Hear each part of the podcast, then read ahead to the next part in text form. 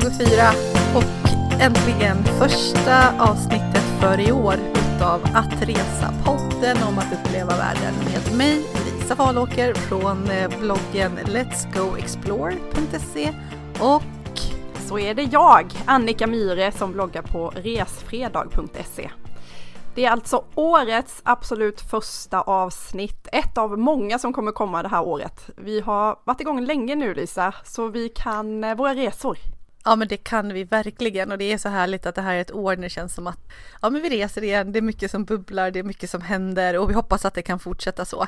Vi är ju alltid lite så här brasklapp numera kring världsläget efter de upplevelser som vi har haft de senaste åren. Det är verkligen speciellt. Men drömma kan man alltid göra, längta och ja, vi reser. Det kommer hända roliga sådana under 2024 och har gjorts sedan vi hördes sist. Det var ju ett tag sedan. Det var det. I det här avsnittet kommer vi alltså ta en snabb blick bakåt. Vad har vi gjort sen sist? Vi kommer också prata om trender för året som kommer. Både branschen såklart, men också våra egna. Och kanske lite trendiga uttryck som ni kan hålla koll på det här året. Och sen så pratar vi såklart om vilka resor som vi hoppas genomföra eller som vi bara tänker på lite extra under det här året. Så om vi börjar då Annika med vad som har hänt sen sist. Så för mig är ju en stor grej just i reseväg då att du och jag faktiskt reste, till, reste tillsammans för första gången på hyfsat länge när det gäller att göra en sån rejäl resa. Ja, senast vi var iväg på en sån äventyrsresa var vi 2019 innan pandemin när vi var på Galapagos, åkte alltså till Ecuador och gjorde en tripp ut till öarna. Otrolig resa som vi har eh, poddat om här. Och nu var det alltså dags igen för dig och mig att samla ihop oss. Det passade jättebra med tid. Vi hade pratat om det ganska länge, om att den här veckan framåt hösten, där ska vi hålla span på någonting att göra tillsammans. Både du och jag kunde komma loss från våra jobb. Och eh, så började vi spana Mm. Vad var dina önskemål? Vi hade ju faktiskt en, en sån här small, medium, large, vilket jag tycker att det är ett tips till er lyssnare också, att om man ska åka någonstans och ska vara lite mer spontan, eh, man har kanske inte liksom bestämt och drömt om den här resan länge, så lägg upp några olika alternativ. Vad är ett lite lättare, närmare, så vad, vad är ett small alternativ, ett medium, ett large, som man allt liksom eh, ändå drömmer om, alla de tre kategorierna. Vi gjorde ju så gemensamt, du och jag Annika, och hade något i litet, något i medel, något i stort. Hur såg drömmarna ut för dig? Nej men vi började väl direkt att gå på de stora drömmarna, large, alltså hur långt kan vi komma och vad kan vi göra? Och för min del, eller för oss båda, så lockade Namibia. Jag tänkte mig de här stora, stora sanddynerna som man går på där. Hur, hur var det för dig med Namibia?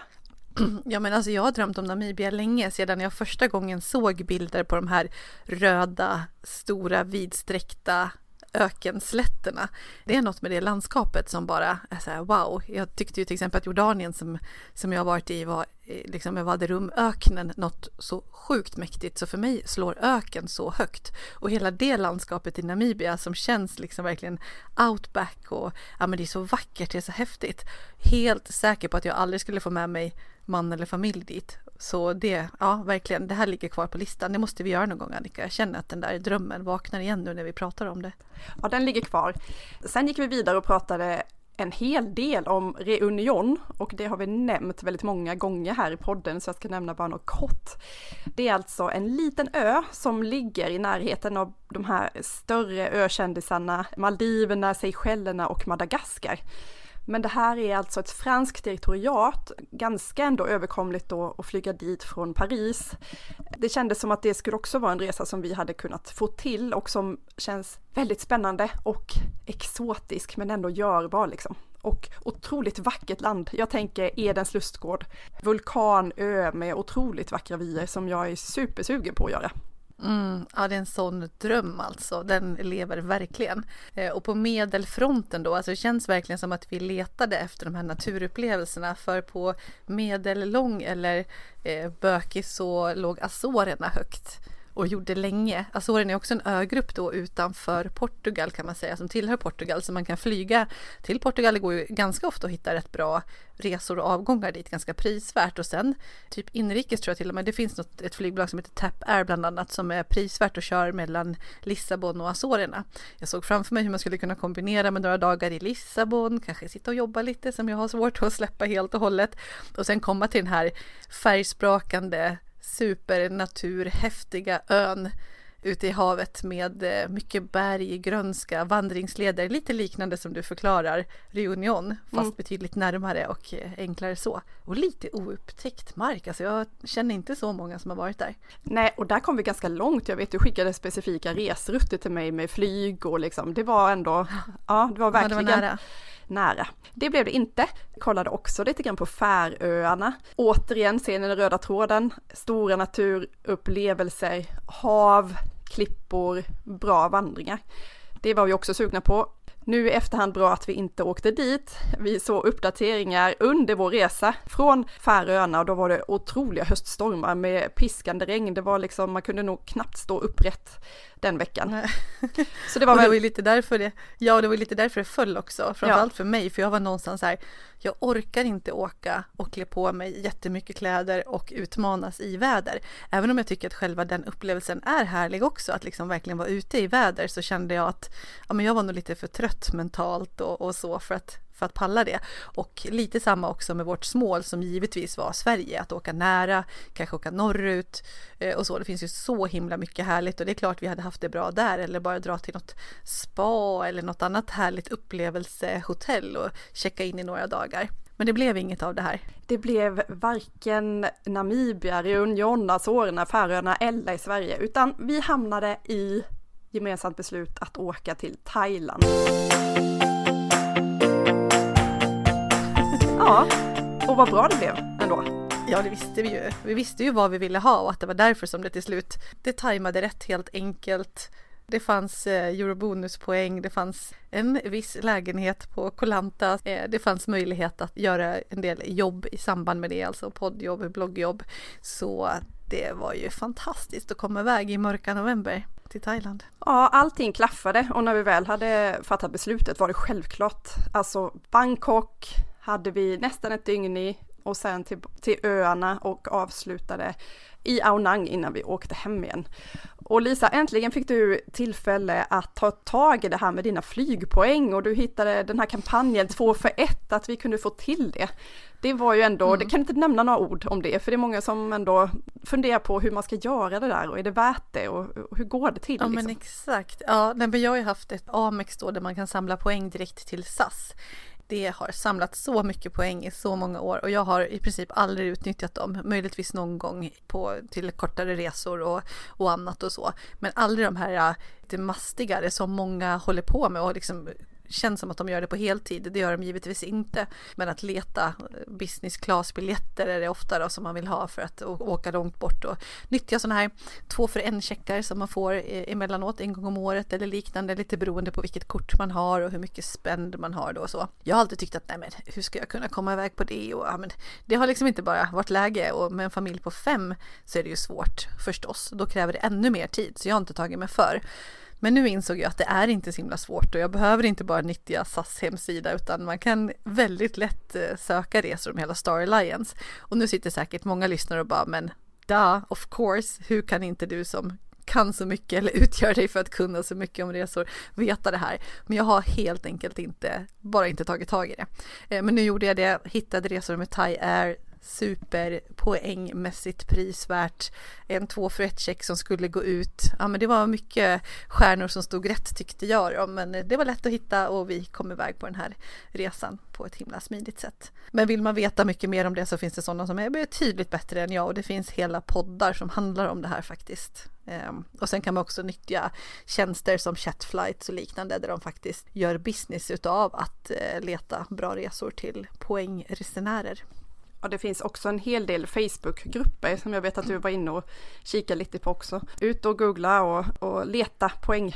Ehm, men Thailand, det blev väldigt bra och det kändes givet världsläget som vi befinner oss i och befann oss i under hösten. Det var väldigt skakigt liksom på många fronter så var det, det var liksom tryggt att återvända till Thailand.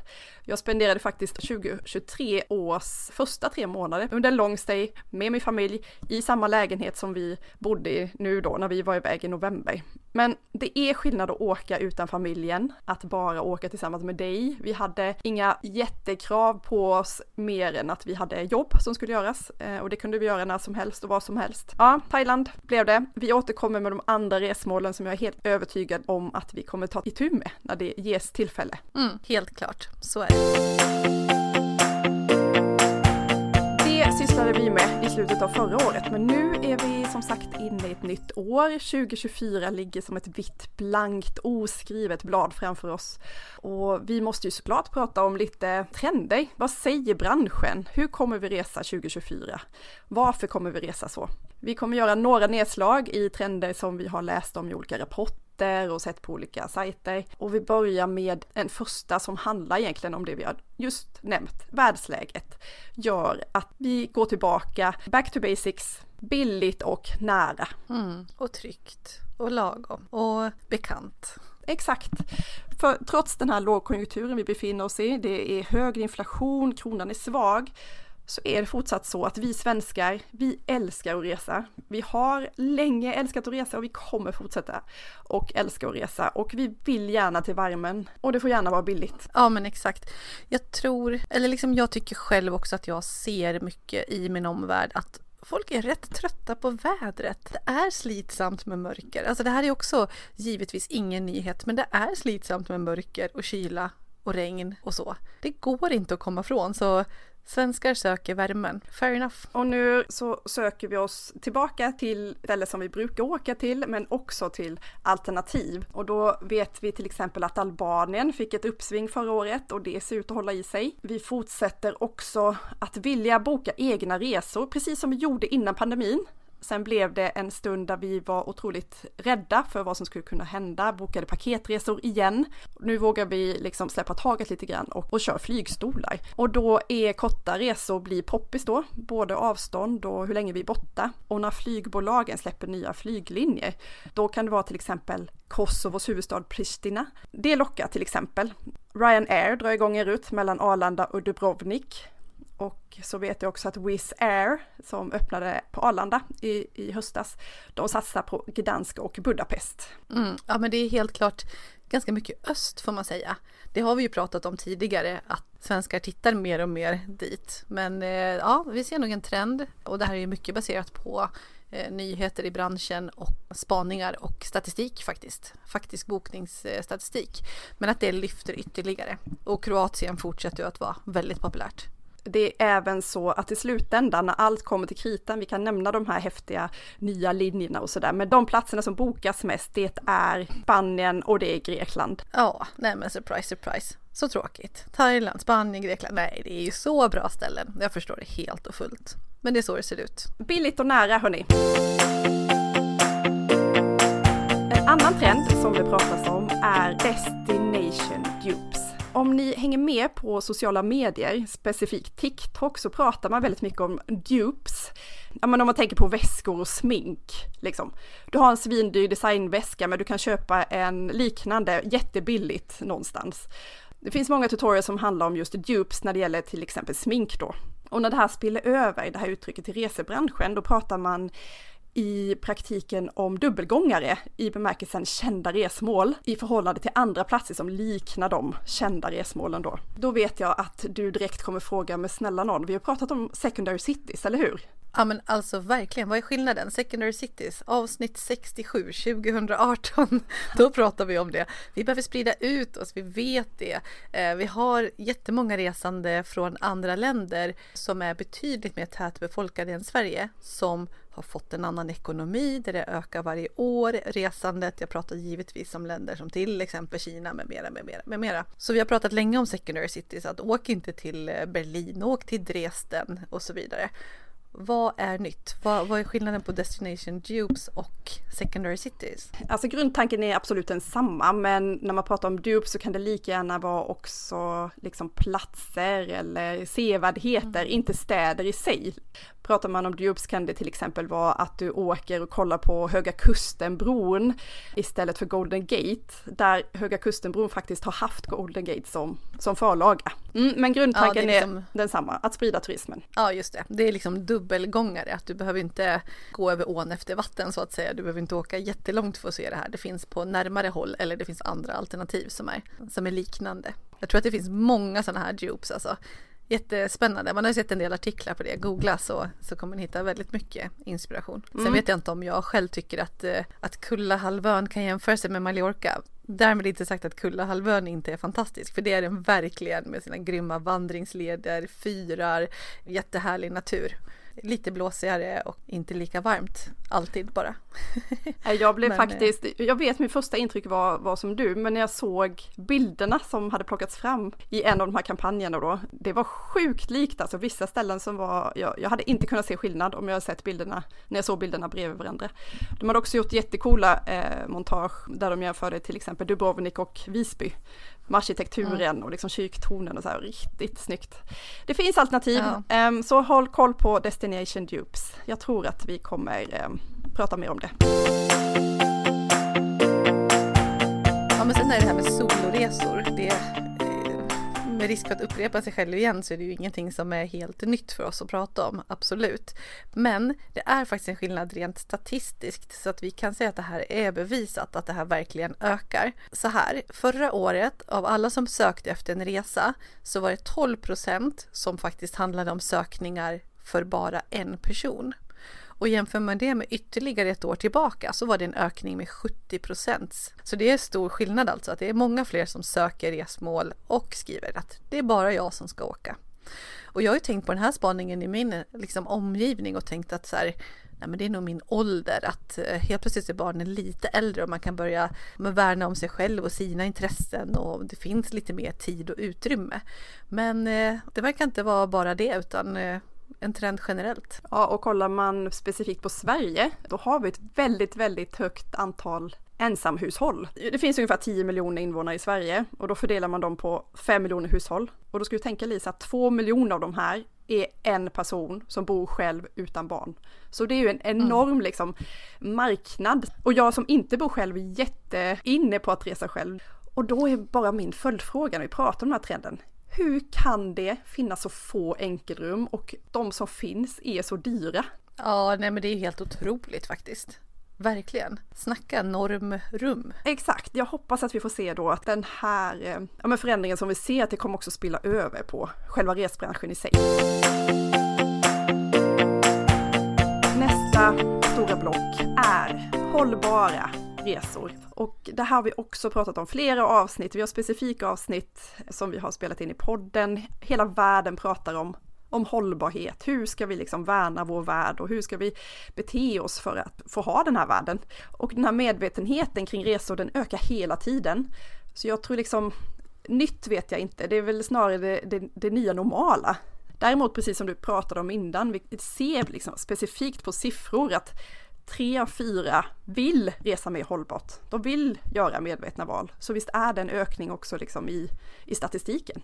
Ja, men jag tror att det är också hela den här medvetenheten kring hur pengarna vi lägger på resor kan gå till en lokalbefolkning eller liknande. Det blir ju ett sätt både att eh, låta sin, ja, men sin resekassa och sina, sina pengar man har sparat till det gå till någonting gott, till att faktiskt höja standarden på ett annat ställe. Ja, men också vill man nog kanske motivera sina resor med det. Givet att vi vet att vårt resande kanske, eller definitivt går ut kanske över vissa eh, delar på ett negativt sätt så vill man ändå säkra att det faktiskt finns någon annan positiv aspekt på det hela. Det, är liksom, det blir ju ett stort kretslopp det här kring turismen och intäkterna från turismen och, och, att se till att det då hamnar på rätt ställen och kanske inte den här äh, globala hotellkedjan som drivs av någon shejk från Saudiarabien. Vi är liksom förbi det. Vi vill hellre att det ska vara den här lokala personen som, som får ut någonting utav det. Med det sagt så har ju även stora hotell lokala anställda ofta så att det, det är ju inte någon äh, svartvit bild. Och apropå det så finns ju hur mycket som helst att lära, läsa, bli mer och mer medveten och det är det vi ser att händer, att vi har verkligen en, en mer framskjuten position här. Nej men och med det sagt tycker jag också att vi ska tipsa igen om Linda Wismers eh, bok som handlar om just det här med att resa medvetet. Vi har pratat om det i ett helt avsnitt som är nummer 101. Det heter Att resa med makt att påverka och den lägger fram många olika sådana här aspekter utan att vara pekpinnar men saker man kan tänka på och lära sig mer, bara intressanta och viktiga reflektioner. Så inget nytt, men vi skjuter fram våra positioner hela tiden och det är bra. Ja, och vi ser det också i resebranschen, konkreta exempel på hur det här verkligen spiller över i sättet som de jobbar, alltså destinationer. När vi var iväg i Thailand nu, du och jag, då hade vi ett litet samarbete med Amazing Thailand, alltså thailändska turistbyrån. Och bodde då på ett par hotell där bokningen skedde via en sida som heter Social Giver. Vilket innebär bokar man hotell eller vissa utflykter via den här sajten så går en specifik del direkt till välgörenhetsorganisationer, kända, välrenommerade. Det är ett tips som man kan göra eh, och det är också spännande att se hur, hur destinationerna, att de gör direkta medvetna val för att faktiskt möta efterfrågan som finns. Mm, ja men verkligen, så bra initiativ och så briljant ärligt talat att kunna göra sin bokning därigenom och veta att det går direkt pengar till, till viktiga initiativ. Ja, men eh, om vi ska prata om lite spaningar som vi har gjort då, utöver de här statistiska och eh, resebranschsnackisarna. Lite trendiga ut, uttryck och annat att hålla koll på lite nya grejer helt enkelt, eller inte alls så nya. Herregud, det ändras ju inte så mycket från år till år kan vi konstatera. Men vi kör. Vad tror du? Sleepcation, det är någonting Annika? Nej, vet du, jag, jag såg eh, det här som en trend för 2024. Det roliga som jag nämnde för dig är att jag, jag letade upp ett inlägg som jag hade skrivit om sleepcation i början av förra året. Då kände jag att jag bara ville liksom resa för att sova. Jag hade en sån enorm trötthet efter pandemin och och alla dåliga nyheter i världen så jag ville typ checka in på hotell och bara sova och skriva ett inlägg om hur trött jag var. Men snälla, kan vi inte bara, jag trodde att för egen del så är jag så trött på att vara trött. Mitt nyårslöfte för det här året är inte alls att sova, jag vill komma ut igen och leva liksom. Vet du, jag hänvisar den trenden till förra året, men har koll på greppet, begreppet, sleepcation. Ja. ja, det är mer begreppet det handlar om nu. Pleasure då, att förena business med pleasure är det som det uttrycket syftar till. Eh, och ja, nu när folk börjar resa inom jobben igen efter pandemin, för det har ju faktiskt hänt. Alltså, skillnaderna i, i arbetssätt eh, som kom med pandemin, det är ju mer tillbaka, i alla fall vad gäller resor. Det får man ju säga. Och då är det här uttrycket igen aktuellt. Vi pratade om det här för några år sedan. Jag var väldigt inne på att jag tycker att det är så grymt om man kan åka någonstans i jobbet och faktiskt förlänga det med några dagar och få en större upplevelse. Det gör både jobbresan mer värd och ett större syfte någonstans också. Ja, det är Blazer. Business med pleasure. Anledningen till att jag tänker att det har verkligen fått sitt eh, revival eller sin revival nu då det är att absolut kunde vi göra det här innan också, men med tanke på de nya, nya möjligheterna som finns på vissa arbetsplatser efter pandemin, det skapar ännu större och fler möjligheter att kunna jobba på det sättet. Alltså mm. resa, mm. jobba varifrån som helst. Jag har nu, vi hade en chatt om det du och jag, där det var en kompis som har en arbetsplats där, oh, jag vet inte, det var hur många som helst som bara, jag ska åka till Bali och jobba några månader, jag ska till Filippinerna och, och jobba, jag ska, ja, jag ska till Sydamerika och jobba därifrån. Alltså det finns sådana möjligheter. Det fanns innan, men nu är de ännu fler. Ja, tack. Ett annat uttryck är, som jag inte hade hört talas om innan, resefobo. Alltså FOMO har vi hört talas om, fear of missing out, men FOBO betyder fear of better options. Då är det en, en undersökning som har gjorts där det pratas om att många, alltså två av fem semesterfirare, blir så överväldigade av beslutsångest när de bokar en resa, att de, de får bokningsånger helt enkelt. De får en känsla av att de gjort ett misstag efter bokningstillfället, att de kunde ha fått en bättre deal någon annanstans. Så de är rädda att det finns ett bättre alternativ. Nej men eh, 100 procent ja. jag vet inte hur rädd jag är men eh, det tar ju mycket search innan ja nu bokar jag och det är ingen återvändo och det finns ju inget bättre än att eh, något är avbokningsbart till så här när det är en vecka kvar eller någonting. Så att man faktiskt kan fortsätta att, eh, att dubbelsearcha. Funkar ju inte på resorna lika bra som det gör på boenden tyvärr. Och jag tänker att anledningen att det pratas ännu mer om det nu är väl på grund av den dåliga ekonomin. Alltså även om du bara hade liksom sparat in 500 spänn på någon deal någonstans så blir det ändå ganska mycket pengar i slutändan. Jag tror att det är anledningen.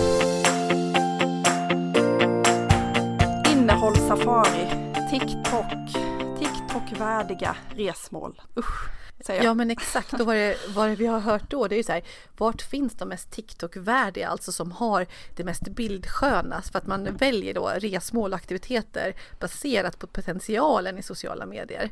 Men jag vet inte, jag bara tänker på mina barn till exempel som ju är mellan 8 och 15 och som får en stor dos av inspiration från TikTok.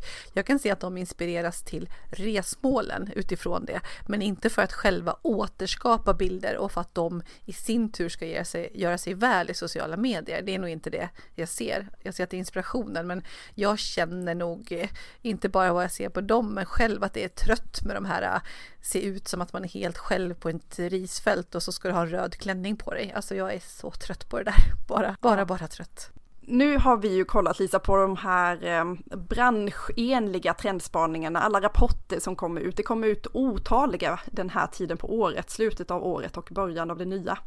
Jag har gjort en egen liten trendspaning i mina flöden genom att ställa en fråga både på Instagram och Facebook om var mina vänner, bekanta och följare kommer resa 2024. Och eh, det var kul att ställa ihop de här svaren. Så jag tänkte bara göra någon slags övergripande analys av det här. Vad tror du? Ja, men gör det. Det är ett bra avstamp som du har där. Generellt så vill vi, jag säger vi, för jag ingår nu i de här vanliga resenärerna ute på marknaden. Det är att vi vill resa för naturupplevelser. Nationalparker fortsätter locka, naturreservat, djurliv, fjäll i allmänhet. Det är verkligen en tydlig röd tråd. Vi vill helt enkelt resa för att uppleva natur i någon form. Och det tror jag är ett tydligt resultat av hela pandemin där vi var instängda och inte fick komma ut. Och det är fullt i städerna, vi gillar inte att ha mycket folk runt omkring oss, vi vill liksom ut i friheten. Roadtrip och tågresor ut i Europa. Nu vet vi pratar taktält, plåtisar, husbil. Det fortsätter ändå vara intressant. Folk får faktiskt något romantiskt skimmer i blicken när de pratar om tågresor ut i Europa. Inte när man pratar om tågresor i Sverige, då blir det snarare något modiskt i blicken efter den här vintern. Men Europa lockar fortfarande. Sen har vi skidresor, aktiva resor generellt. Vi vill komma ut och det handlar väl också om det här naturfenomenet som jag redan nämnde då. Men också aktiva resor i form av temaresor, paddelresor, tennisresor. Alltså att vi låter aktiviteten styra resmålet mer än destinationen. Unika boenden Lisa. Ja men verkligen. Det fortsätter locka. Vi ska leta och googla upp det perfekta huset på Airbnb. Vi vill ha, vi fortsatt ha ishotellet i Jukkasjärvi men kanske till och med ännu mer intressanta som platser som inte alla har varit på redan. Ja men det är verkligen så mycket kring unika boenden, alltså allt från så här trädtoppshotell till eh, glasiglos och så. Det är, jag tänker glamping 2.0. Det här börjar med det här glampingtältet i naturen någonstans, att du bara skulle kunna öppna upp tältduken på det här stora tältet där du har sovit väldigt härligt i, i dubbelsäng med väldigt stageade möbler med eh, fårskinn och så vidare och så vidare. Och nu är det vidare till att du ska ha någonting i trädtopparna där du kan titta upp till en himmel som du ser ovanför dig eftersom att det bara är glastak. Den typen. Eh, ganska lyxiga men eh, samtidigt enkla. Och eh, det finns så mycket i den här kategorin nu. Och jag måste säga att jag gillar den trenden. Jag tycker att glampingen, japp, jättehärligt, komma ut på ett enkelt sätt i naturen och få den upplevelsen. Men jag tycker det här är snäppet coolare. Jag tycker att det känns mer, för min del, åtråvärt att betala de pengarna det kostar för att få den upplevelsen snarare än det här tälthistorien en ytterligare dimension på det är att de här boendena också liksom börjar tänka nästa steg som är att leverera superlyxig mat i en liten korg och man får liksom, här ska du laga din egen lilla unika eh, soppa med ingredienser från närliggande producenter. Så det blir verkligen mm. så här helhetspaketet med upplevelsen. Så det, ja, väldigt härligt. Det ser vi 2024. Och avslutningsvis, för att verkligen knyta ihop säcken, när jag kollade på destinationer, specifika destinationer var folk skulle resa, då jackade det helt i trenderna som vi har pratat om. Alltså, de resmålen som lockar mest är Spanien överlag, Mallorca väldigt mycket och Grekland. Spanien och Grekland, det, det håller mm. liksom hela vägen. Men verkligen. En annan spaning för långresor Japp, vi älskar Thailand, återkommer dit och våra andra favoriter i klassiska älskade Asien. Men det är mycket snack tycker jag kring destinationerna i Indiska oceanen. Zanzibar, Seychellerna, Maldiverna, Sri Lanka, Mauritius. Ja men de här öarna, Reunion ligger ju där också, det hör man inte så mycket om. Men eh, visst är det mycket spana åt det hållet. Och en annan upcomer-trend eller spaning kring resonemang framåt, även om vi pratar om att Mallis och Spanien och Grekland är populärt, så är det det här att det börjar bli lite väl varmt vid Medelhavet va? Ja. Klimatförändringen vi har, ja nej, är det verkligen dit vi vill? Och jag tycker att jag verkligen hör det här i min omgivning. Så att vad gäller det så är det mer så här, vi kommer se mer Atlantkusten, vi kommer se mer Normandie i Frankrike, mer Portugal, norra Italien. Kanske inte ända, än att vi ser den stora liksom, skiftet så. Men det här, kom ihåg vart ni hörde det, inte först, för det finns inte mycket som går att säga och allra först. Men ja, vi kommer se mer utav de lite mer, lite, lite potentiellt svalare ställena i, i Sydeuropa och Mellaneuropa. Och nu när vi har pratat trender och specifika resmål så avslutar vi det här avsnittet med att prata lite om våra egna personliga planer och drömmar och bokningar för, för det här året Lisa. Hur ser det ut för dig 2024? Var kommer du resa? Vad vill du resa? Och, och varför vill du resa dit? Ja men exakt, jag ringar nog in många av de här spaningarna som vi redan har gjort. Eh, det blir en resa vid sportlovet. För oss handlar det mycket om när kan vi få resa och få den här värdefulla tiden med familjen och tonåringarna som har så tydliga egna intressen och eh, hellre väljer att åka på en handbollscup i Skövde än att åka till något eh, varmt exotiskt ställe. Det är otroligt men sportlovet det är en liten slott som funkar för alla så det förlänger vi åker till värmen. Så det ska bli jätte jättehärligt. Sen är jag lite sugen när jag står lite mellan eh, jobbuppdrag eh, fullt självvalt skulle jag säga att göra någonting för mig själv någon self-care, soloresa, men kanske någon retreat-inslag eller någonting. Det känns också lite som en trend. Vi har sett en del yogaresor till Indien och Bali och annat då betydligt närmare än så givetvis. Jag har inte målat ut någonting så. Det beror nog lite på, lagom är bäst. Men eh, någon self-care-resa kanske när jag tar en paus eh, från otroligt lång och jobb, eh, eh jobbintensiv period på fyra år typ. Och sommaren då, jag tror kanske att sommaren 2023 som vi minns den, regnigare och kallare faktiskt än vanligt. men jag tror att det kommer driva lite mer resor än vanligt och för mig är det absolut så. Jag mm. är sugen, det är hittills billigt med flyg och eh, jag känner inte att jag går igång på en Sverigesommar. Jag kollar hus, unika, fantastiska hus. Mm. Jag är sugen på Italien. Jag tror att det kanske blir franska rivieran för oss, vilket inte är någon eh, någonting vi är jättevälberesta i. Det har varit kortare sessioner till Nice och lite annat. Så någon sommargrej blir det som inte är Sverige. Okej, så lite, lite värme, lite familj, lite sol och... ja. Ganska mycket värme. Ja. Det ska bli kul att följa Lisa, var mm. du tar vägen. Just nu, exakt den här veckan som har gått, då känns det som att vi har haft nya planer varje dag. Beroende på när du hade frågat så har du fått ett annat svar. I det stora hela så är det ett födelsedagsår, det är mycket firande. Min man Tobias, han är född 1974. Eh, det innebär att det är ja, ett år där många fyller 50 i vår eh, umgängeskrets. Alltså bara säga det, att många fyller 50 är jättemärkligt för mig. De är liksom Gamla. Inte så unga. Så, det var snällt, eh, pedagogiskt sett. Jag är ju född 80 då, vill jag tillägga, så jag fyller 44 i år. Men det blir mycket så här 50-årsfirande. Jag har en vän som har hus i Spanien, i Narja. Hon ringde häromdagen och bara, ska vi inte åka dit? Du får, häng med liksom. Så det kanske jag gör i vår. En annan har, eh, han är halvkanarie, så att eh, de hänger mycket på Kanarieöarna. Kanske vi ska dit med Tobias. Det är inget spikat, det verkar vara Spanien återigen då som har pratat om, Spanien är, det funkar alltid och jag tycker om att resa dit. Min man fyller ju också 50 då, hur gärna han, eller hur ogärna han än vill prata om det. Men han pratar faktiskt i, precis som vi nämnde i början av avsnittet, så pratar han också om de här resorna, de här planerna i olika steg och mer då liksom paddelnivå språk. Så han pratar lätt, medel och svår. Lätt, Kanarieöarna har vi redan nämnt då. Medel, då är han inne på USA. Vi har en roadtrip i USA.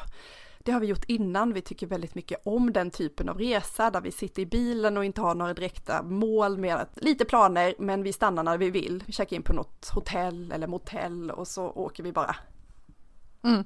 En fråga då om det här, för att det pratade vi inte om, men det skulle kunna vara en sån här inte riktigt lika trendig destination vad gäller att eh, USA ju faktiskt upplevs rätt dyrt nu. Så mm. är det med många destinationer, det går ju emot det här billigt. Men det är ju alltid super, super härligt med USA, men det kanske inte, ja, det går ni lite emot. Det gör vi verkligen och det här har, har varit, nej men det har varit en, en, stor diskussion just kring den frågan för jag var med snälla, det har aldrig varit så dyrt att åka till USA, det är jätte, jätte, jättedyrt. Och då är hans kontring att ja, fast jag fyller inte 50 jättemånga gånger och ska vi vänta liksom, vad ska vi vänta på? Det är väl nu vi ska uppleva liksom. Och det har ni helt rätt i. Vi har lite kollat också faktiskt på att flyga in till Kanada. Det här nämnde vi inte, men det är coolt alltså. Air Canada etablerar sig på Arlanda den 12 juni. Och jag ska på något sätt hänga med dit på något vänster. De kör alltså till Montreal och Toronto fem gånger i veckan kommer de flyga, Lisa. Fattar du? Ja men det är ju helt otroligt. Här kan vi ju prata en destinationskarta som kommer måla om sig lite. Det här kommer bli eh, attraktivt. Ja. Jag säger ja. Ja, jag säger också ja. Vi får se var vi hamnar där. Men då har vi gått igenom lätt och medel. Hans svåra nivå, det är Kina. Kina tänkte jag. Men han har eh, helt snöat in på de här rapporteringarna, bland annat på TikTok Lisa. Otroliga vyer från nationalparker, stora glasbroar du går uppför, åker upp konstiga hissar liksom uppför klippiga berg och ja men det är, det är mycket naturupplevelser som lockar honom dit. Jag tror inte det kommer bli av, men den finns lite mer i periferin för oss. Ja. Om ni gör det så är jag redan nu pepp och längtar efter det avsnittet som vi kommer ha om det och alla dina reportage i, i bloggen för Oj vad spännande! Ja vi får se. Inget spikat, många planer och precis så känns mitt 2024. Eh, det är ett oskrivet blad, det är spännande. Jag har reslust, mm. jag längtar efter att komma ut. Inte så många sleepcations tror jag inte på för min egen del, utan nu vill jag leva och resa. Ja men underbart, det tycker jag är jättefina ord att avsluta med. Leva och resa, det drömmer vi om 2024, verkligen. Man vet aldrig vad som ligger framför oss, men nu vet ni lite grann om trender, det vill säga resa resemönster, spaningar, snackisar, uttryck och ja, allt som ni behöver ha er med, med er in till ett eh, inspirerande reseår 2024. Och vi ser fram emot att prata mer om resor hela året ut och vi hörs igen redan om ett par veckor. Det gör vi. Ha det bra! Bra, bra. Hej!